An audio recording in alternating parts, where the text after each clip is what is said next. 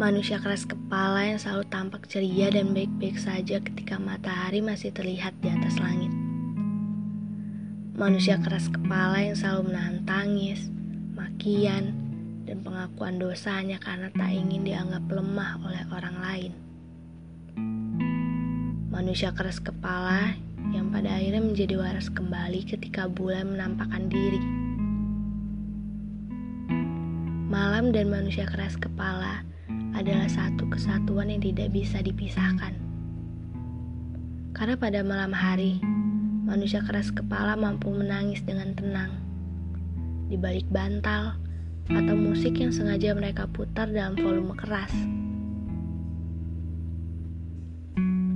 Karena pada malam hari, manusia keras kepala itu bisa memaki dengan kalimat paling kasar tanpa harus takut dianggap brengsek. Karena pada malam hari, manusia keras kepala berhasil mengaku dosa yang mereka perbuat dengan lantang dan berani. Dan karena pada malam hari juga, manusia keras kepala itu mau buat berlaku jujur dengan diri sendiri. Tak ada satupun orang yang tahu dan benar-benar mengerti.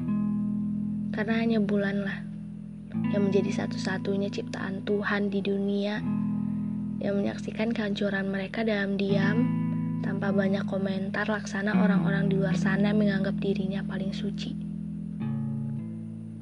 Dengan napas tersenggal, manusia keras kepala itu memejamkan matanya.